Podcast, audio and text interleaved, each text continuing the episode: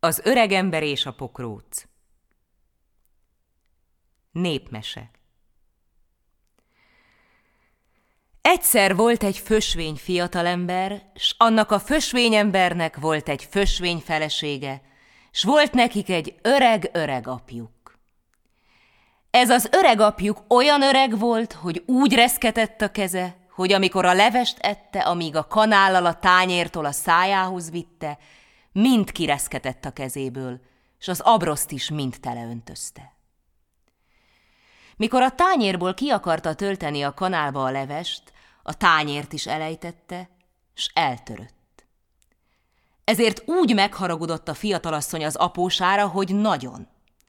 Rábírta a férjét, hogy az öreget csapják el a háztól, eresszék világgá, hogy ne csináljon annyi szemetet náluk. A fiatalember rá kellett szánja magát, mert az asszony annyit duruzsolt, hogy végül is meghajolt az akarata előtt.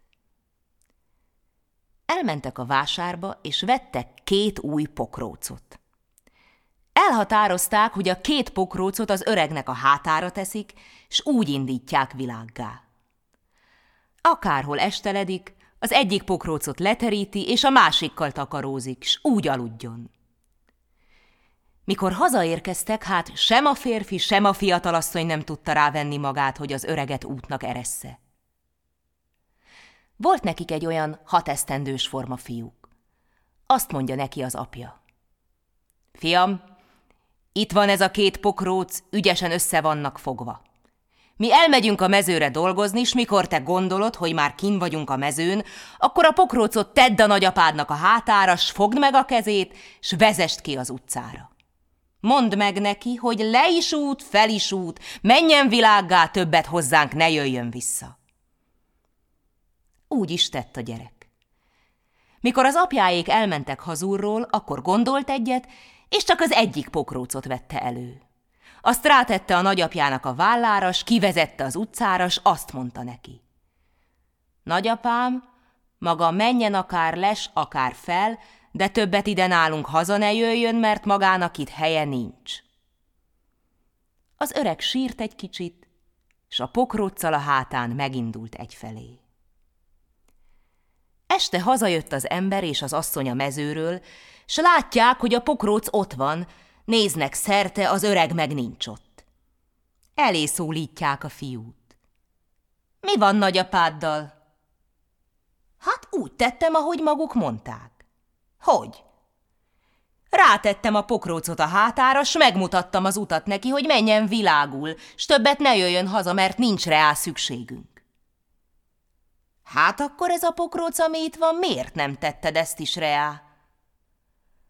Akkor egy kicsit állott a fiús, azt mondja.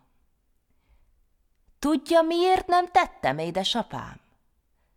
Eszembe jutott, hogy mikor maguk is úgy megöregszenek, mint ahogy ő van, s utat kell adjak maguknak, akkor én ne kelljen, hogy vegyek pokrócot, ezzel a pokróccal maga is menjen el. S akkor összenézett az ember az asszonnyal. Elszégyelték magukat, és sírni kezdtek. Hamar kihozta az ember a lovat az istálóból, s ráült, s a kilencedik falu végén utolérte az öreget. Bocsánatot kért tőle. Felültette a lóra, s úgy vezette a kötőféknél fogva, amíg hazaértek. Hogy hazaértek, mindig az asztalhoz ültették, s a gyereket is úgy tanították, s úgy nevelték, hogy tisztelje az öregeket. Többet nem bánták, ha eltörött a tányér, vagy kiömlött a leves, vagy mi lesz, mi nem lesz. Jó szemmel nézték az öreget. Tisztességesen éltek, s máig is élnek, ha meg nem haltak. Ez a műsor a Béton közösség tagja.